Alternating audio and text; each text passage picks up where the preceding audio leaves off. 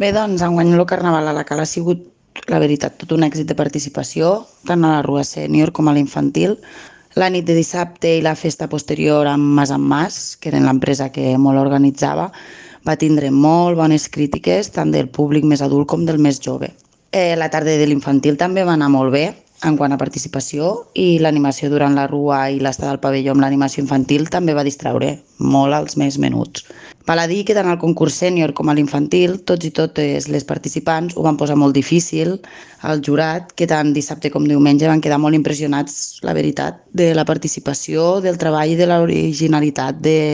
per part dels concursants. I finalment, i amb l'aport que teníem que el vent l'aigua deslluís les rues, ens va respectar i vam poder sortir tant el dissabte com el diumenge tranquil·lament i amb els recorreguts previstos.